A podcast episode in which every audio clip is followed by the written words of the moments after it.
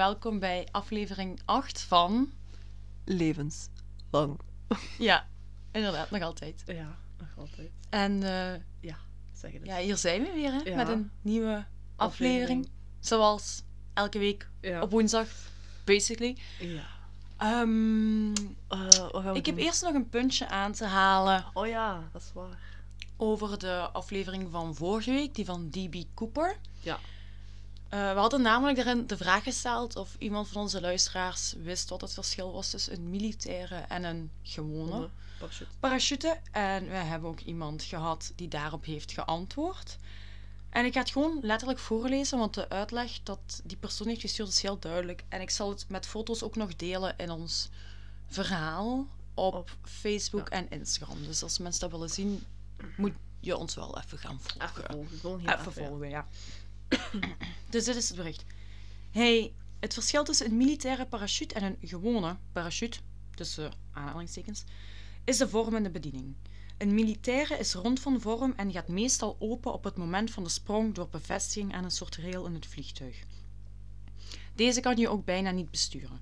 Een gewone parachute wordt gebruikt voor vrije val, dus deze doe je zelf open door middel van een trekkord. Met deze parachute kan je wel redelijk goed sturen. Oké, Dus dat is het verschil dat is het verschil. in het besturingssysteem en alles. Mhm. Dus nu ook wel logisch waarom dat hij een de zaakjes gewoon een parachute wou. ja. Want die kon ja. hij besturen. Voilà. Ja, Als hij dat kon. Want Ja, het blijft nog altijd een mysterie. dat is waar. Dat is Ja. waar. Nou goed. Ja, en vandaag zijn we er met een aflevering die is aangevraagd door Mhm. een van onze luisteraars. Namelijk door jou, Zus. door jouw zus. Ja, door, door Nicolien. Yes. En Nicolien heeft een heel bekende zaak aangevraagd. Ja. Namelijk de zaak van Elisa Lam. Ja. De meesten zullen die wel kennen. Heeft ook te maken met het Cecil Hotel. Ja. Het Cecil Hotel. Sorry, ja, het Cecil? Cecil. Het is Cecil, niet Cecil, Cecil. Oké. Ja, want ik heb nog eens heel de documentaire op Netflix opnieuw gekoken. Gekoken. Gekeken. Gekeken. Gekeken. Dus luisteraars, er staat ook een documentaire van op Netflix. Ja. Ik denk dat we voor de rest geen verdere uitleg gaan Nee. geven en gewoon gaan beginnen met de aflevering. Ja, dat is goed. Dus bij deze komt ons geluidje er weer tussendoor. En wel weg.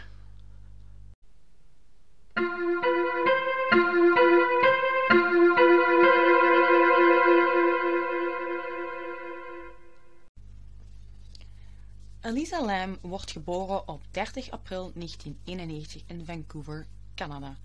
Haar echte naam, of haar Kantonese naam, denk ik dat was, is Lam Ho Yi. Lamoi. Lam Ho Yi. Ja, ik weet niet hoe het uitspreekt. Luisteraars, als iemand me kan verbeteren, graag. Ja. Dus zij wordt geboren in Canada en haar ouders zijn immigranten van Hongkong. En die hadden op dat moment in Canada een restaurant in Burnaby. Mhm. Is ook nearby Vancouver. En in midden 2010 begint Elisa Lam Mhm. een blog genaamd Ether Feels op Blogspot. Op dat moment is ze 19 jaar. En gedurende twee jaar post ze op die blog voornamelijk foto's van modellen in fashionkleding en ook over ervaringen in haar leven. Dus ze schreef ook zelf posts en die gingen vooral over haar worstelingen met een psychische kwetsbaarheid. Ja, want het is namelijk zo dat Elisa gediagnosticeerd was met een bipolaire kwetsbaarheid en een depressie. Ik zou ik niet zijn als ik niet even kader wat deze kwetsbaarheid ongeveer inhoudt. Een bipolaire kwetsbaarheid dat is eigenlijk een aandoening met manische of hypomanische en depressieve episodes, onderbroken door stabiele periodes. En wat bij een bipolaire kwetsbaarheid heel duidelijk is, is dat het een enorm uiterste is in stemmingen en activiteit. Dus die kunnen op een moment manisch of hypomanisch zijn. En op het andere moment heel depressief, maar het is altijd heel intens. Ja.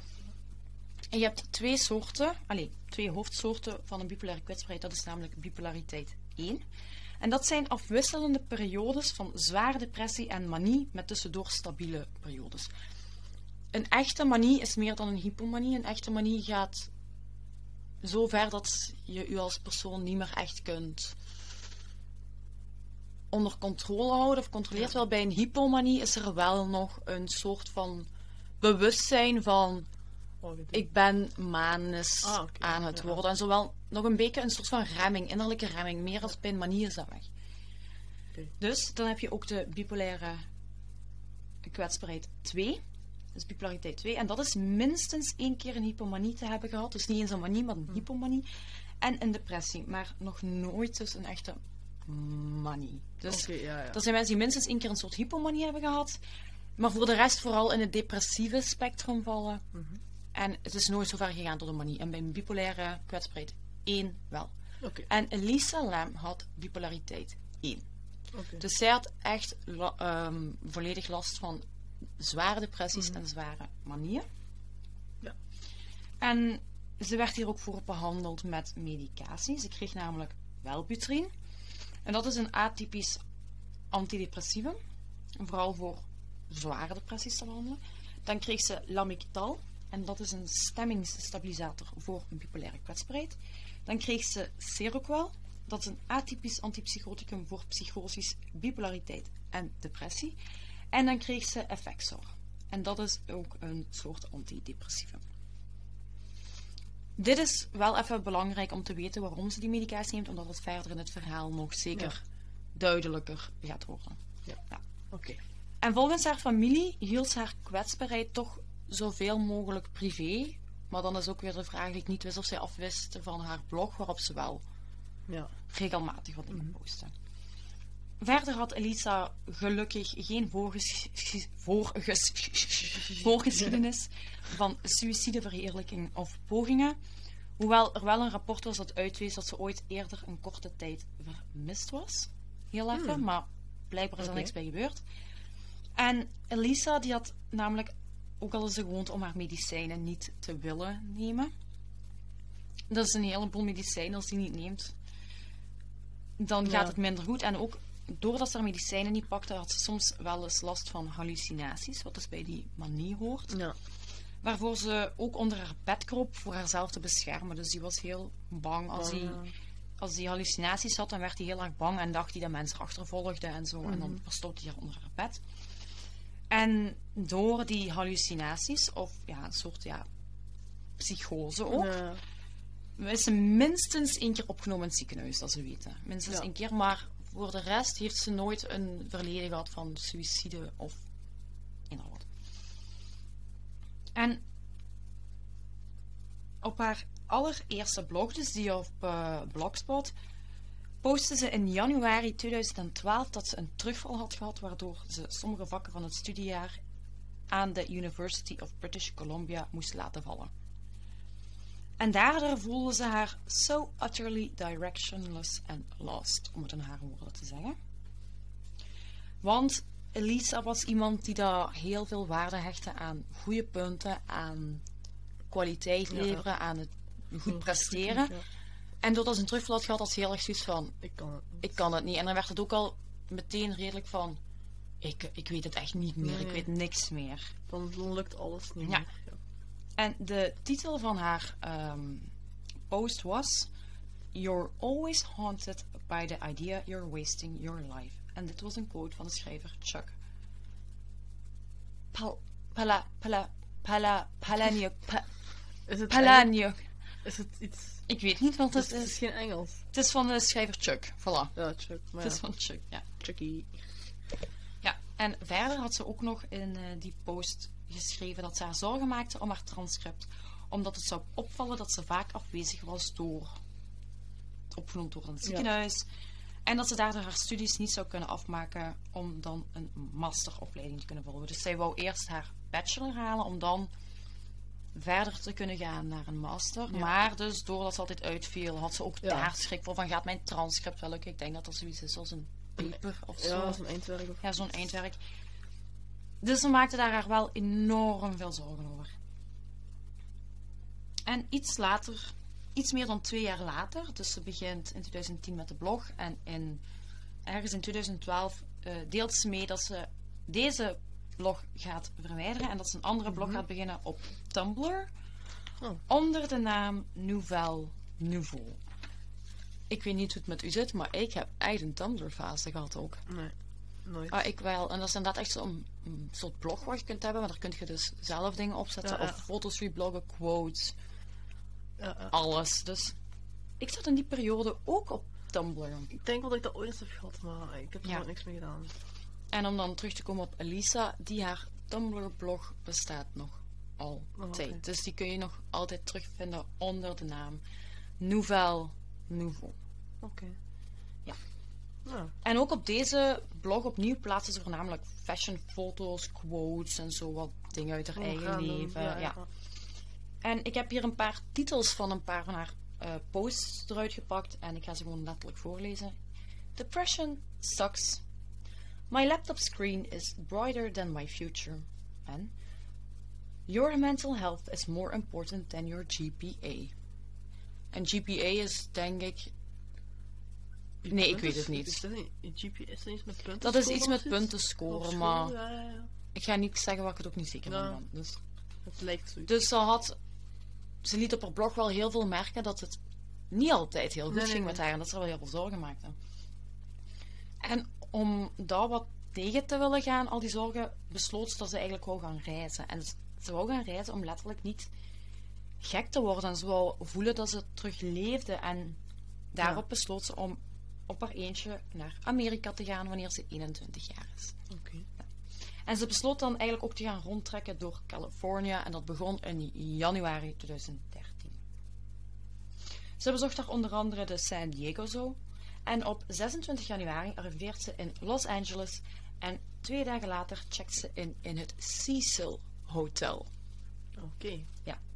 Het Cecil Hotel. Ik denk dat de meeste mensen de naam wel kennen. Mhm. Seizoen 5 van American Horror Story is gebaseerd op het Cecil Hotel. Ik vind het trouwens nog wel die serie. En het Cecil Hotel is nogal berucht. Nu ga ik een kleine beknopte uitleg geven wat het Cecil Hotel precies inhoudt, omdat het wel belangrijk is voor Ja. de context. Maar het is in dit geval wel ondergeschikt aan Elisa, haar verhaal. Ja, ja. Maar ik ga het even eh, vertellen. Het Cecil Hotel opende op 20 december 1924 als een soort budgethotel. En in het begin was het echt wauw, hè? Het was echt een mooi hotel, prachtige lobby, alles. En het Cecil was gelegen aan Skid Row, de buurt Skid Row. En Ja. Skid Row is een vrij beruchte bu- buurt, want daar wonen heel veel daklozen die rechtstreeks of vanuit gevangenis kwamen of net uit een psychiatrisch ziekenhuis kwamen. En die echt nergens heen konden eigenlijk. Die zijn aan lot werden overgelaten. En doordat dat daar zo vol zat, was er ook heel veel criminaliteit. En was het er ook voor de meeste mensen gewoon niet heel veilig Nee. om in die buurt te komen. Maar het Cecil Hotel was wel heel mooi. En daar werd eigenlijk meer naar gekeken dan naar de, De buurt rond. Ja. Ja. het was meer van, oh mooi hotel. En dan was het wel van, oei, maar de buurt. Ja. Het hotel heeft 19 verdiepen en 700 kamers. Dus dat was echt een Huge. huge hotel. En dat hotel deed het heel goed, totdat in de jaren 40 de Great Depression kwam. En dat zorgde ervoor dat veel mensen van Skid Row eigenlijk naar dat hotel gingen. Om daar heel goedkoop en zonder borg of papieren te kunnen overnachten. Want daar waren ze wel toe in staat. En ze konden daar dan ook overnachten zonder papier of borg. Tegen Ja. heel lage prijzen. Voor ook soms een langere tijd. En de laagste prijzen die ik heb gevonden was dat sommigen maar 2 tot 3 dollar per nacht Mhm. moesten betalen voor een kamer. Dus op dit moment werd het hotel ook een deels een beetje een soort van flatgebouw voor de Ja. mensen van. Skid Row. En die konden daar dan eigenlijk makkelijk zonder veel binnen. Er werd ook niet gecheckt wie ze waren Ja. van waarom dat, ja, in die buurt werd dat niet zo gedaan. Mhm. Maar daardoor verandert het hotel ook wel van, ja, Imago. van imago en van wat voor mensen er kwamen. En er zijn daarna in dat hotel ook veel moorden, verdwijningen, overdosissen en zelfdodingen gebeurd in dat hotel. Ja. Dus dat hotel werd daar eigenlijk heel berucht voor. Ja. Ik ga niet te veel uitweiden over welke doden daar zijn gevallen of wie. Zijn Je veel. kunt dat makkelijk vinden op internet en ook als je de documentaire op Netflix Ja. kijkt. Maar wel een paar van de bekende bezoekers waren namelijk Richard Ramirez. De Night Stalker. Want als, hoe moet ik het zeggen, als eh, moordenaar daar, als je onder het bloed aankwam of zo, dat viel daar Niet op. niet Dat op, was- niet over gepraat, omdat er daar sowieso wel wat loesjer Ja, ja. volk zat. En dat kon ook met drugs te maken hebben, dat die bloed hadden door ja, naalden of zo. En, Dat is niet chockerend. dus dat, dat viel daar niet zo op, dus die, die heeft daar een tijdje gebleven. Dan was een andere bekende moordenaar, namelijk Jack Unterweger. En dat was een, eh, een Oostenrijkse seriemoordenaar die daar ook een tijd heeft gezeten. En dan heeft er ook een heel bekend slachtoffer overnacht genaamd Elizabeth Short. En de meesten kennen haar niet onder Elizabeth Short, maar wel onder de Black Dahlia. Ah ja. Dus zij heeft daar naar verluid ook gezeten. Dus dat is zo wel een beetje van hoeveel mensen daar kwamen die dan uiteindelijk een heel jammer verleden, toekomst of Ja. afloop hebben gehad. Dus het was gewoon een hotel waar dat veel criminaliteit Ja, tijd was. En echt zware criminaliteit. En het hotel wordt uiteindelijk meermaals gerenoveerd. En in 2011 wordt het eigenlijk opgesplitst. Je hebt nog altijd het deel van het Cecil Hotel. En daarnaast komt er een stukje dat Stay on Main wordt genoemd. En Stay on Main was een soort hostel idee voor toeristen om heel goedkoop te overnachten. Ja, ja. En die hadden zelfs twee aparte recepties doorheen de dag. Maar wel gewoon met gemeenschappelijke faciliteiten. Ja, ja. En het verschil tussen de on Main en het Cecil was dat het Cecil eigenlijk voor een semi tot lange tijd was om daar te blijven. Voor mensen met een laag inkomen of andere problemen. Als in Skid Row people. En het Stay on Main was dus inderdaad een hostel slash budgetkamerverhuur voor de toeristen. En het hotel was ook opgedeeld met te verdiepen in secties wat, waar welke gasten bleven slapen. Namelijk ehm, het eerste en het tweede etage van het hotel. Ja. Die waren voor de long-term gasten. Oké. Ja. Die dus echt wel daar een soort van ja, huur of iets betaalden. Of Ja, dat was echt het, het deel waar je semi tot lang kon blijven. Dan etages 4 tot en met 6 waren de hostel. Ja. En alles vanaf etage 7 en, ho- en hoger waren de goedkope Cecil hotelkamers. Oké. Dus je hebt eigenlijk, de eerste twee zijn lange termijn. Dan heb je een paar verdiepe hostel. En dan heb je een paar verdiepe gewoon cheap hotelkamers voor 1, 2, 3 nachten. Ja. Maar niet langer. Ja, en vanaf verdieping 6 naar verluid werd het gevaarlijker. Dus Ja, vanaf verdieping 6 tot en met verdieping Hoeveel 19, wa- Ja, 19. was het, hè? 19. Of dat is toch al sinds. Ik heb heel veel verschillende dingen gevonden over hoeveel verdiepen het waren. De ene zei 14, 15, maar het meeste vond ik 19. Dus. En in het documentaire werd ook 19 gezegd. Dus die heb ik gekozen. Dus hoe hoger je ging op verdiep, hoe gevaarlijker het werd. Ja. Want vanaf verdiep 6 en hoger waren de etages waar voornamelijk de overdosissen gebeurden. En de moorden. Mhm. En één tot drie keer per dag werd 911 gebeld ja. in dat hotel. En er zijn plus minus, dat we weten, dat we zeker zijn, Ja. een tachtigtal doden gevallen in het hotel. Ja. Berucht hotel. En daar komt Elisa Lam terecht. Maar zij komt op het Stay on Main deel. En het ding is zo blijkbaar dat mensen die boeken onder het Stay on Main weten niet per se dat ze in het Cecil Hotel belanden. Oh, Die ja. weten niet dat dat opgesplitst is, dat hotel in delen. En ze weten meestal ook niet dat het aan Skid Row ligt. Ja. Want er staat bij Downtown LA, bruisend veel dingen. Ja. Eh, Dus zij komt aan op. Nu ben ik het kwijt. Op, 6, op 28 januari checkt ze in bij het Stay on Main gedeelte. En ze krijgt een kamer op het vijfde verdiep. Dus in dat gedeelte. Met een paar andere, naar mijn weten, onbekende roommates. En dat was kamer 506. Dus daar lag ze met een aantal andere meisjes. Maar eigenlijk vrij direct begonnen die roommates bij de manager te klagen over haar vreemd gedrag. En wat ze zoal deed, dat was dat ze briefjes neerlegde waarop stond: Go home, go away. En dat ze de deur op slot deed. En dan, als haar roommates binnenwouden, vroeg Ja, ze een wachtwoord. Dus die hadden zoiets van: Manager, is dat? help ons.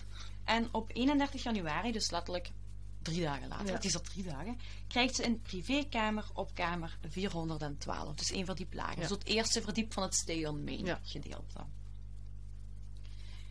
Maar het ging niet heel goed met Elisa. Want Er is namelijk een verhaal dat ze een paar dagen voor dat ze van Kamer verhuisde aanwezig was bij een live-opname in Burbank, waar ze uiteindelijk weggestuurd was omwille van storend gedrag.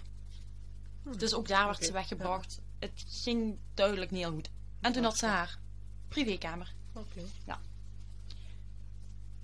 En dat gaat oké, dus 31 januari krijgt ze haar privékamer en diezelfde dag gebeurt er iets. Oké. Het is namelijk zo dat Lisa haar ouders elke dag belde. Elke dag waar ze was, wat ze aan het Ja. doen was.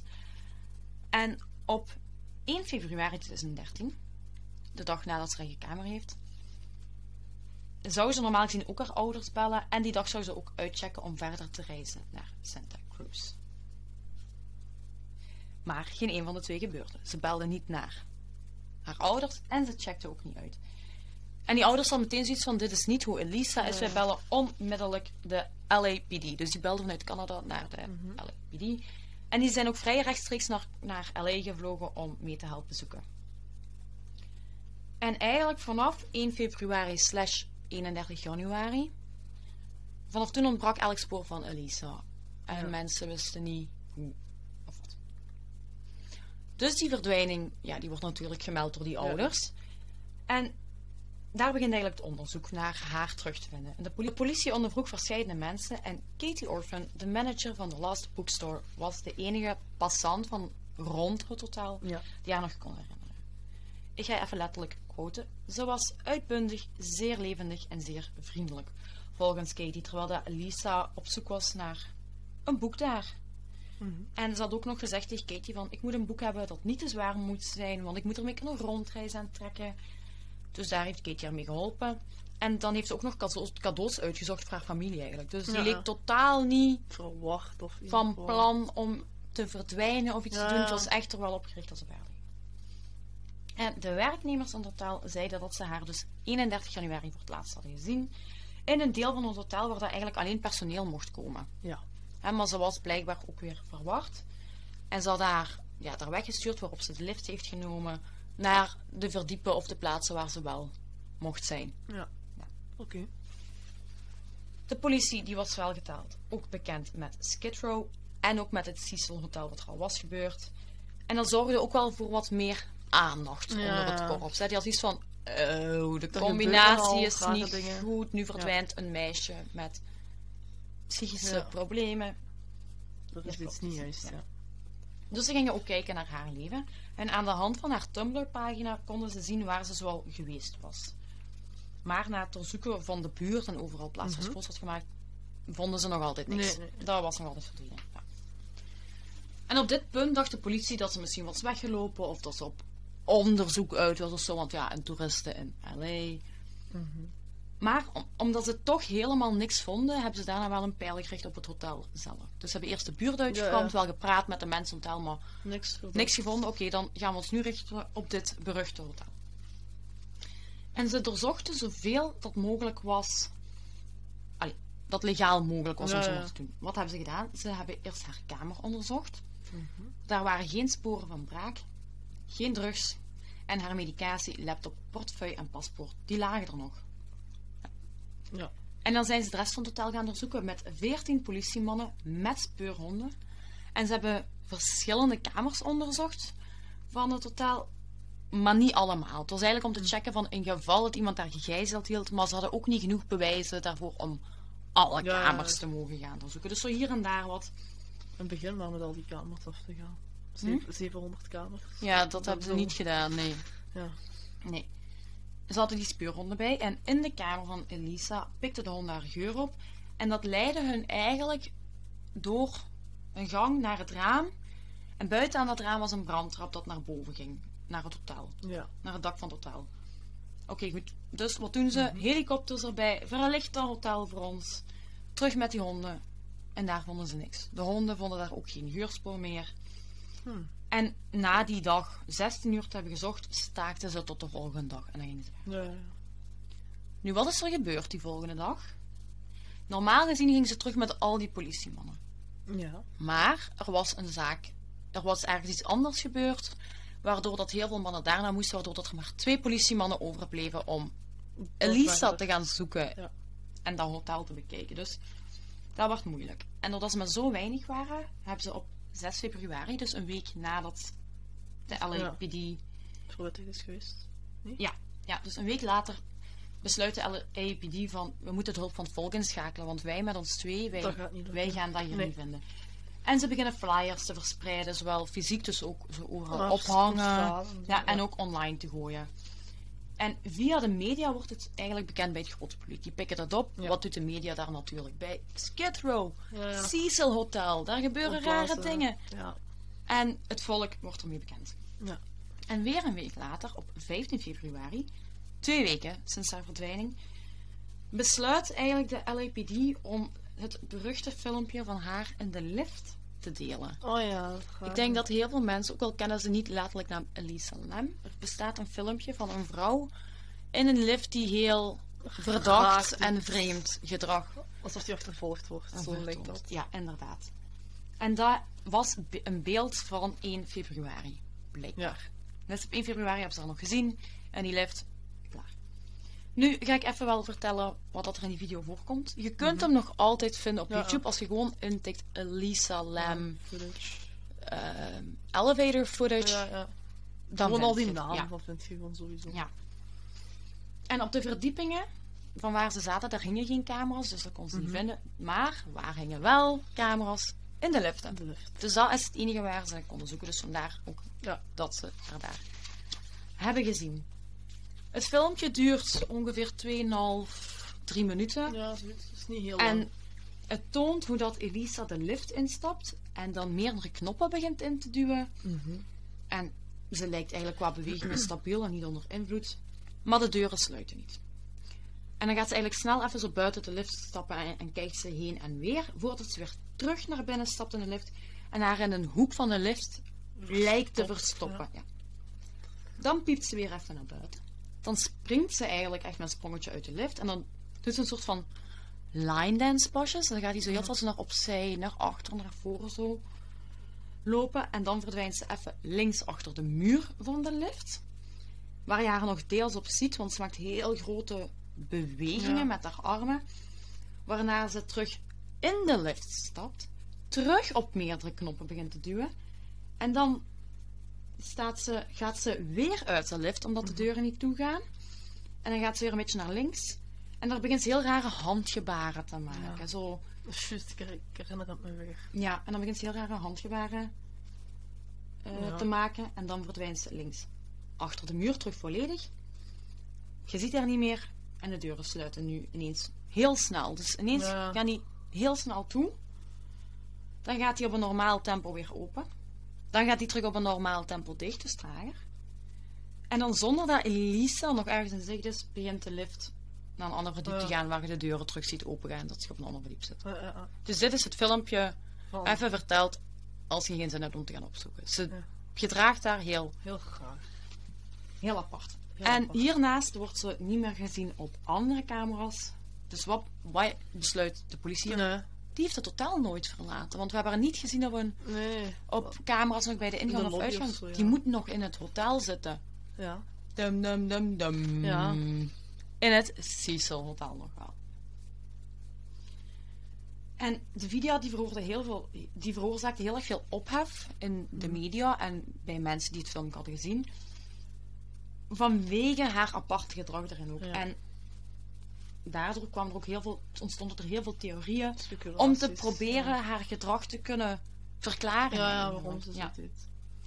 En zo werd er gedacht dat ze misschien drugs op had, zoals LSD, dat ze dat had gekregen van iemand op Skid Row. Ja, ja. Dat kon. Misschien probeerde ze te vluchten van iemand die haar achtervolgde, want als ze die handbewegingen doet, lijkt het ook alsof ze tegen, Tegen iemand, aan het praten is. ja, tegen iemand aan het praten is, maar er is niemand te zien. Dus dan ofwel Nee. is er niemand, oftewel zit die persoon achter de muur. Ja, want er is Van de lift. een speculatie geweest van een schaduw of zoiets. Ja, van een deel van een voet dat te zien was. En ze Ja. dachten, die was niet van Elisa, dus daar is iemand anders geweest. Dus dat was dan, probeerde ze te vluchten, want op Tumblr had ze gepost dat ze graag nieuwe mensen zou ontmoeten. Ja. Maar ja, nieuwe mensen ontmoeten op Skid Row is iets, de beste optie. is iets riskanter dan, Niet. dan niet op Skid Row. Ja. Ja. En die had dus zoiets van, oké, is je achtervolgd? Want als ze inderdaad op dit punt mentaal heel onstabiel was, dan is ze ook een makkelijke prooi voor de omgeving in Skid Row natuurlijk. Ja. En dan komen we inderdaad bij het feit dat sommige mensen claimen dat ze een deel van een voet van een onbekende persoon kunnen zien Ja. in de video. Maar dat, Dat is nooit, dat is nooit bewezen, dus dat is Nee, nooit kunnen verder gaan op was hij er inderdaad, was er iemand anders, ja. Wat er ook gebeurde was dat anderen begonnen te claimen dat er geknoeid is met de originele bewakingsvideo. Ze zeiden, zo ontdekten ze dat er delen vertraagd waren, stukjes uitgeknipt waren en dat er ongeveer één minuut echt ontbreekt. Ja. Wat dat dan volgens hun zou betekenen dat het hotel dat expres heeft gedaan om, als er een dader in beeld was, die te beschermen. Ja. Dus daar komt ook weer heel veel commotie rond. Die video is niet echt. Ja, ja En- dat zag je linksbovenaan Ja. in de video met de tijd. Dat ja, met de nog. tijd. Dat weet ik nog. Ja, ik denk dat die onderaan stond. Of onderaan. Maar dat is echt een detail. Dat maakt niet Maakt uit. niet uit, maakt niet Ja. En toen dat uiteindelijk ook wat meer nieuws naar buiten kwam dat ze een bipolaire kwetsbaarheid had, dachten mensen ook van dat dat misschien een verklaring was van haar gedrag, dat ze misschien in een manie psychose-achtig iets had of zo. Dat kon ook nog. Kan altijd. Nu, met alles mee, ze worden niet wijzer van die video. En het blijft tot op de dag van vandaag een heel vreemde, mysterieus iets. Ja. Ja. En doordat er heel veel speculaties de ronde gingen over wie ze was, hoe ze was. Hè, dat was een heel lieve, iemand die goede punten haalde. En, Ja.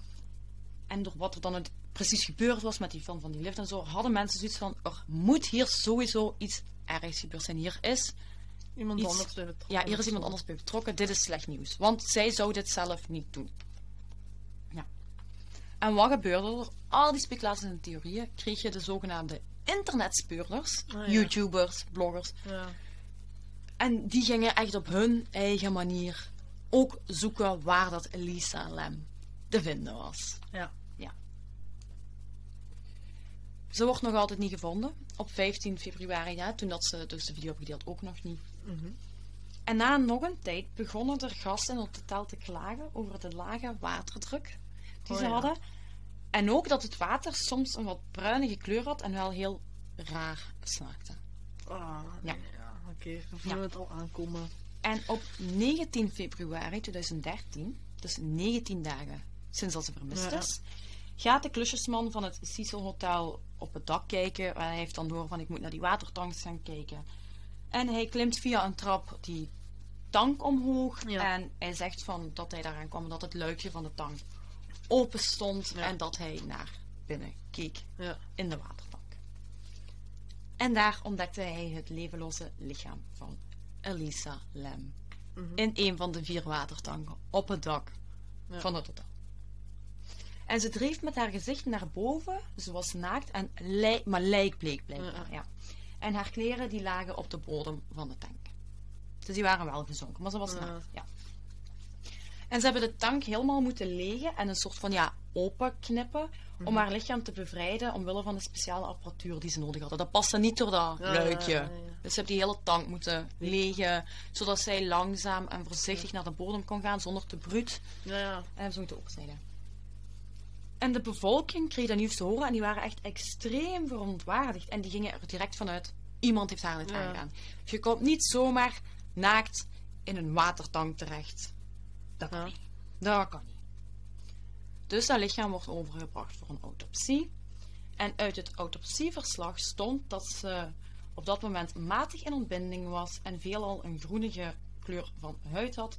En dat er geen sporen waren gevonden van lichamelijk letsel, seksueel geweld of een suïcidepoging. Ja. Of gelukte suïcide dan. Mhm. Ja.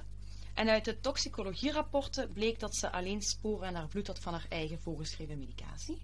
En daarnaast ibu- ibuprofen en sinutop. Dus een had geen Ja. verkoudheid of zo. Ja, ja. Maar wat ze wel zagen uit dat rapport was dat ze maar een heel klein percentage van, die, van haar voorgeschreven medicatie in haar bloed had. Wat erop kon wijzen dat ze haar medicatie niet deftig pakte, of misschien helemaal niet meer pakte. Ja. Dan hebben ze ook nog een heel klein percentage alcohol in haar bloed gevonden, maar niks bijzonders. Ja. En voor de rest geen sporen van drugs. dus de theorie dat ze LSD of zo had gekregen, werd Nou, op tafel niet. gegooid, dat, dat kon ook niet. ja. En de kleren van de ta- tank die in de tank lagen, die waren, die waren ook van haar. En ze had op dat moment ook haar horloge en kamersleutel bij haar. Dus die lagen ook allemaal in die tank. Oké.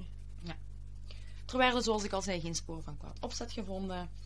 En op 21 februari 2013 kwam het rapport uit dat stelde dat het een accidentele verdrinking was met haar bipolaire kwetsbaarheid als opvallende factor. Dus dat was de doodsoorzaak. Zij Mhm. was per ongeluk verdronken. En het onderzoek had dan effectief wel haar doodsoorzaak een soort van kunnen uitwijzen. Ja. Maar ja, daar zijn natuurlijk niks over hoe dat ze om te beginnen in die tank was gekomen. Waarom dat ze naakt was. Die ja, gewoon daarboven Ja, hoe die is. daarboven raakte, dat, dat werd allemaal niet beantwoord. En mensen hadden zoiets van, yeah right, Nou ja. dat zal het zijn. Dus er waren heel wat mensen die wel een bedenking hadden bij het onderzoek en bij de autopsieverslagen en zo. En ten eerste was het twijfel ook dat mensen inderdaad zoiets hadden van, hoe is die op dat dak gekomen? Omdat de deur naar het dak met, eh, niet zonder code of sleutel opengemaakt kan worden, zonder dat er een sirene aan af zou gaan. Dus als je dat Nou ja. zou proberen open te doen zonder sleutel of code, dan weet iedereen het. Ja. Uiteindelijk concludeerden ze dan dat ze dus uit het raam was geklommen, hè, wat de honden hadden geroken, en dat ja. ze zo via een heel smalle, steile brandtrap omhoog op het dak moet zijn geklommen. Of moet zijn geraakt op een manier. Dat niemand het weet. Niemand weet. Ja. En de tweede vraag die men stelt is of ze wel alleen in die tank terecht kan zijn gekomen. Dat is iets van, kan dit wel? Is dat mogelijk dat iemand daar alleen in gaat, wetende dat je daar niet uitgeraakt? Dus dat was ook een vraag. Ja. Logische vraag. Ja, het enige was wel, dat aangezien dat de deksel inderdaad open Ja. was gevonden, moesten ze zich wel niet afvragen van ja, of is- die al dan niet dicht kon zijn gedaan. Want natuurlijk, als die ook nog dicht was geweest, ja, dan had zij dat sowieso niet zelf kunnen nee, doen. nee. Maar die stond open, dus daar werden niet echt heel veel vragen Ja. op gesteld. Daar was niks vrienden. En ten derde bleef er ook nog theorieën over de video en dat ze mogelijk is inderdaad niet alleen was. En dat iemand haar wel vermoord zou hebben, omdat ze dus inderdaad naakt. Ten derde bleef er theorieën over over de video en dat ze mogelijk niet alleen was. En dat iemand haar wel vermoord zou hebben. En er werden ook wel vragen gesteld in verband met seksueel geweld, omdat ze ja, naakt was. Je had iets van, Ja, je bent ook niet zomaar naakt? Ja. Dus wat dachten de internetspeurders en de meeste mensen die niet echt betrokken waren, en de ouders en zo, die dachten, ja, die is vermoord. Elisa is vermoord. En jullie niet steken dat hier op een accidentele Ja, ja. verdrinking. Dat kan je. Ja, en daarbij zei ze ook van, het totaal, jullie beschermen gewoon de dader. Jullie weten wie dit gedaan heeft, maar jullie willen dat niet zeggen. En dan was er nog een vierde bedenking eigenlijk. En dat was uiteindelijk dat het autopsierapport niet helemaal compleet bleek te zijn. Zoals de resultaten van de rape kit die was uitgevoerd, stonden er niet in vermeld.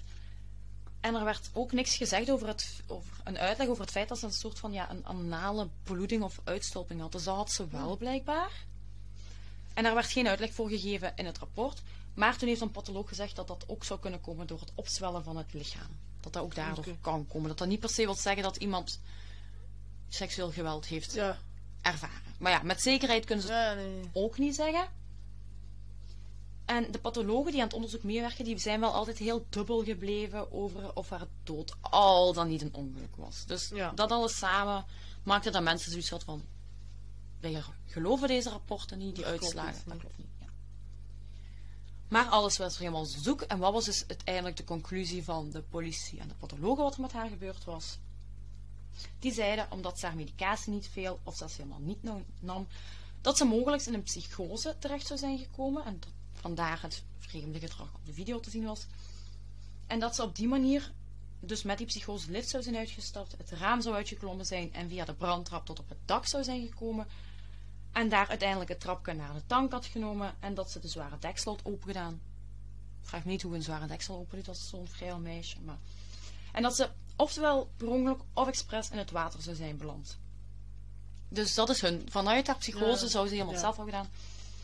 En dan over de kleding zei ze dat ze die waarschijnlijk zelf zou hebben uitgedaan omwille van het gewicht.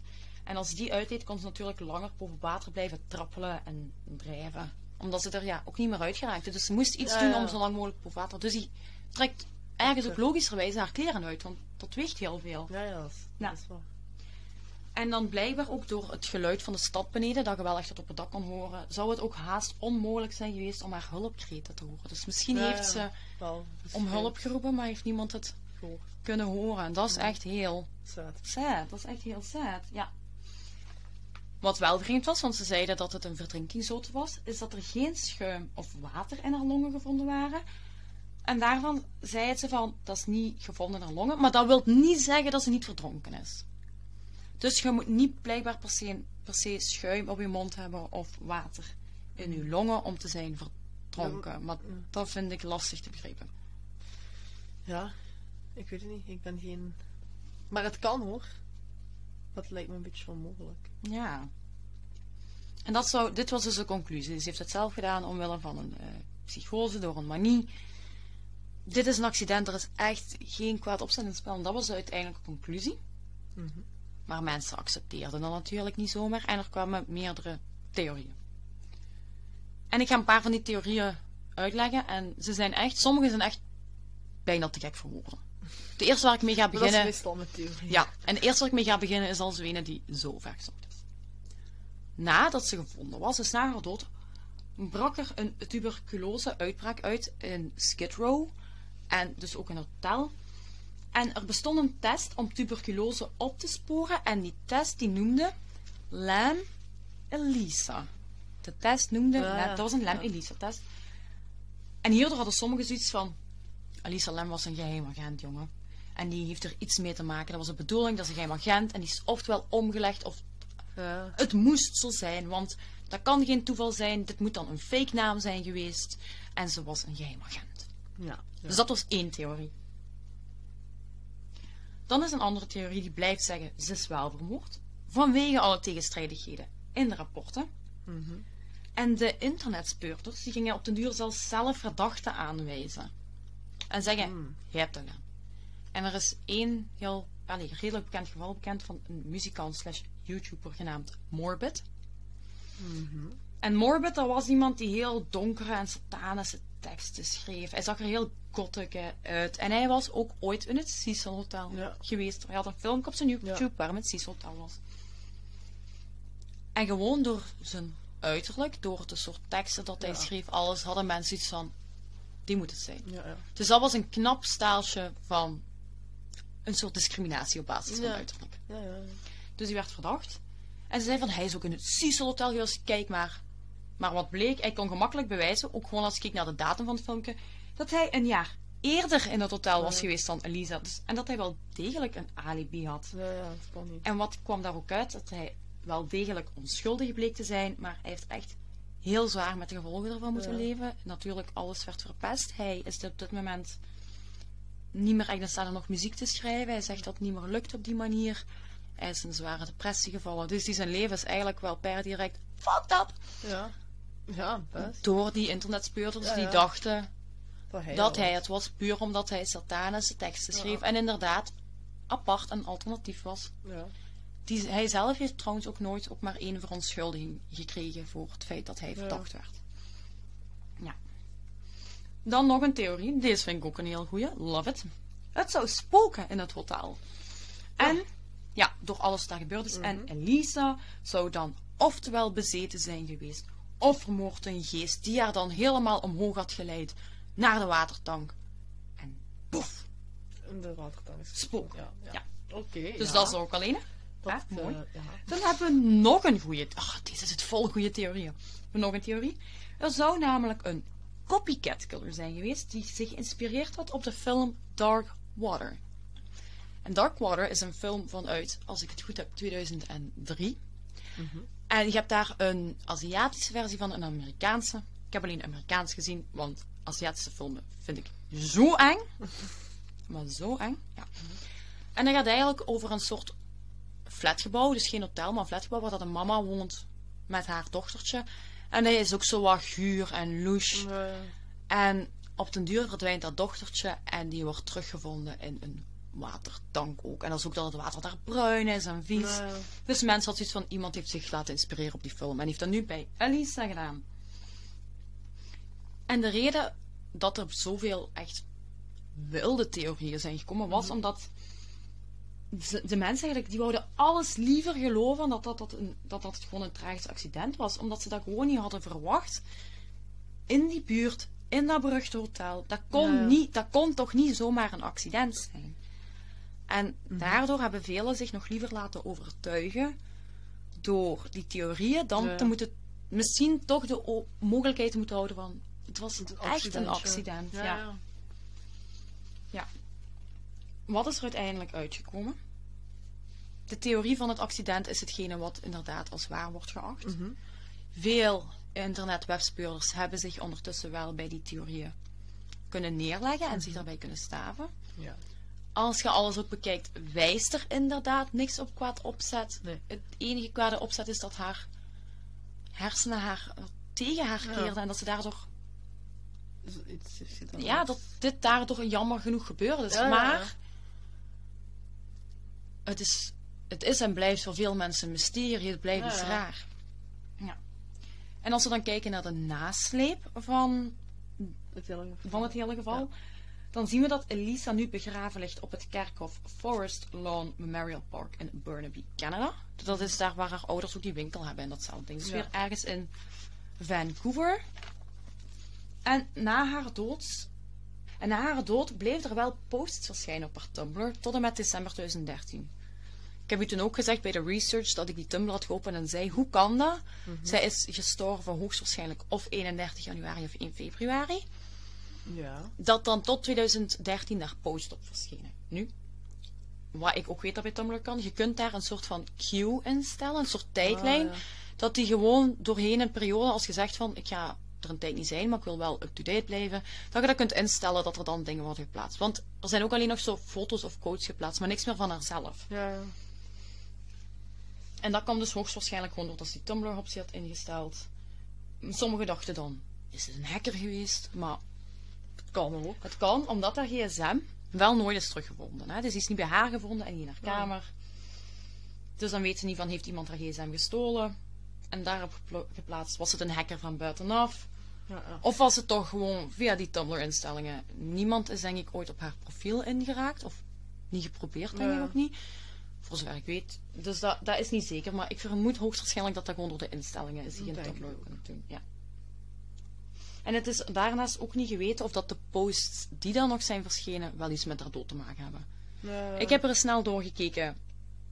Ik vind dat daar niks verdachts op staat. Maar ja, wie ben ik? En dan in september 2013, dus dat was, ja, ze is in februari, je hebt ze al gevonden, Ja. in september, klaagden de ouders van Elisa het hotel aan voor het niet verzekeren van de veiligheid van de gasten. Die had zoiets van, die is zo makkelijk aan die tank geraakt, Ja, ja. die kon daar zo op. Wij willen een schadevergoeding, want dit kan niet. Ja. En het hotel zei erop dat dat niet redelijk was van ouders. Omdat ze helemaal niet kunnen voorspellen, of niet hadden kunnen voorspellen, dat Elisa überhaupt naar die tank zou gaan. Dat is iets wat je... Dat is een hotel dat al met heel veel dingen rekening houdt, omdat daar Ja, speciaal volk is. Die zijn helemaal gewoon. Mhm. Maar daar gaan ze niet van uit. Je kunt er niet van uitgaan, volgens hun, dat iemand via zo'n smalle trap Ja, ja. aan het raam, dat zo aan, een, aan de muur is aan de muurwand. buitenkant, Ja, ja, dat is juist. naar boven gaat. En daarnaast, omdat het ook niet zeker is hoe ze in de tang is gekomen, is die gevallen, was dat expres, was dat toch Ja. stel iets anders, konden ze, ja, ze konden niks verhinderen waarvan niet duidelijk was wat er was gebeurd. Mhm. Ze zeiden ook van, we weten niet eens hoe ze in de tang is gekomen. Hoe kunnen wij dan wat verhinderen als we niet weten wat het daarvan ja, is? Dus in 2015 werd die aanklacht dan ook verworpen.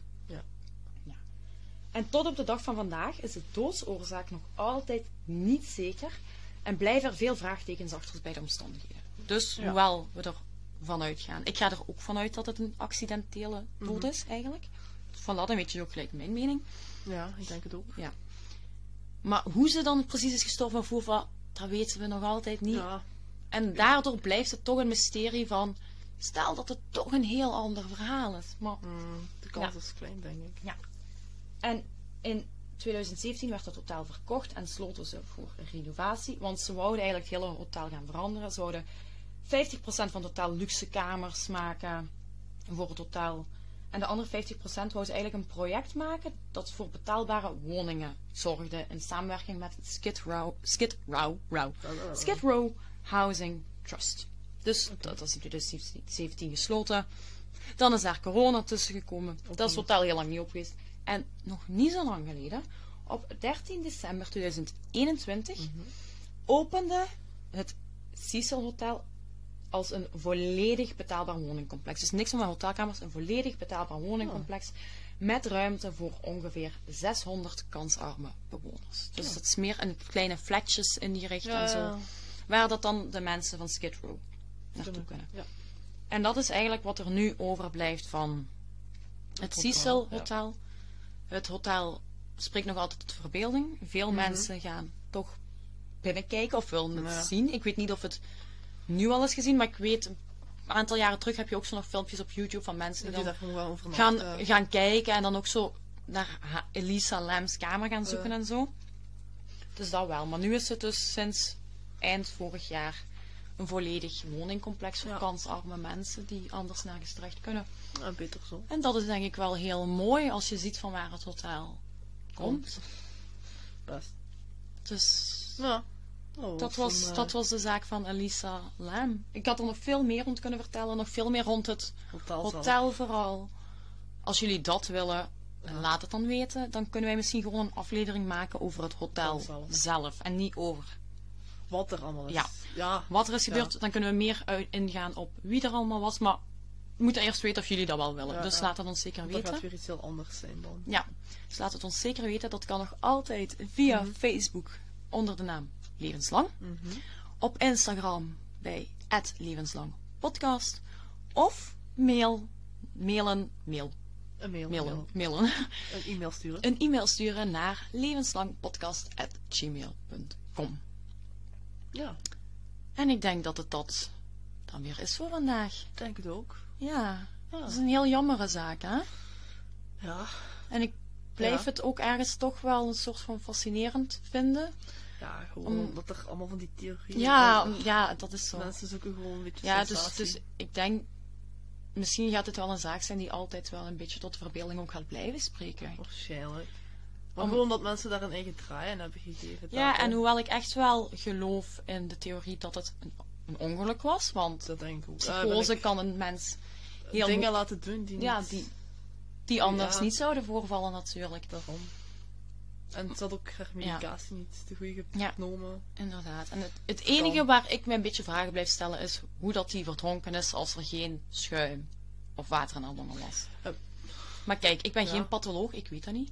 Als er een patholoog zou luisteren, oh ja, we hebben Dan. een militair die luistert. Ja. We willen nu een patholoog die luistert. Of iemand, ja. Of iemand, iets van... Ja. iemand die in het Cecil Hotel is ver... Ce- Nu zeg ik weer Cecil. In het Cecil Hotel is verbleven. Dat zou ook wel chill zijn. Dat zou zijn. Ja, dat zou ook echt vet zijn. wat. Ja, let us know. En dan, eh, dan horen jullie ons terug volgende week met een Ja. nieuwe Ja. aflevering. Maar we weten nog niet wat we gaan doen. Hè? Nee. Of ik weet, ja, ik, Ja. ik kies meestal uit, maar jij soms ook. We zien wel aan wat We zien wel wat het gaat worden. het brengt. Ja. Alleszins, adios guys. Het was fijn om jullie weer virtueel in ons gedachten bij ons te hebben vandaag. En weer een verhaaltje te vertellen. En dan zeg ik nog maar één ding en dat is tot volgende week. Doei. doei.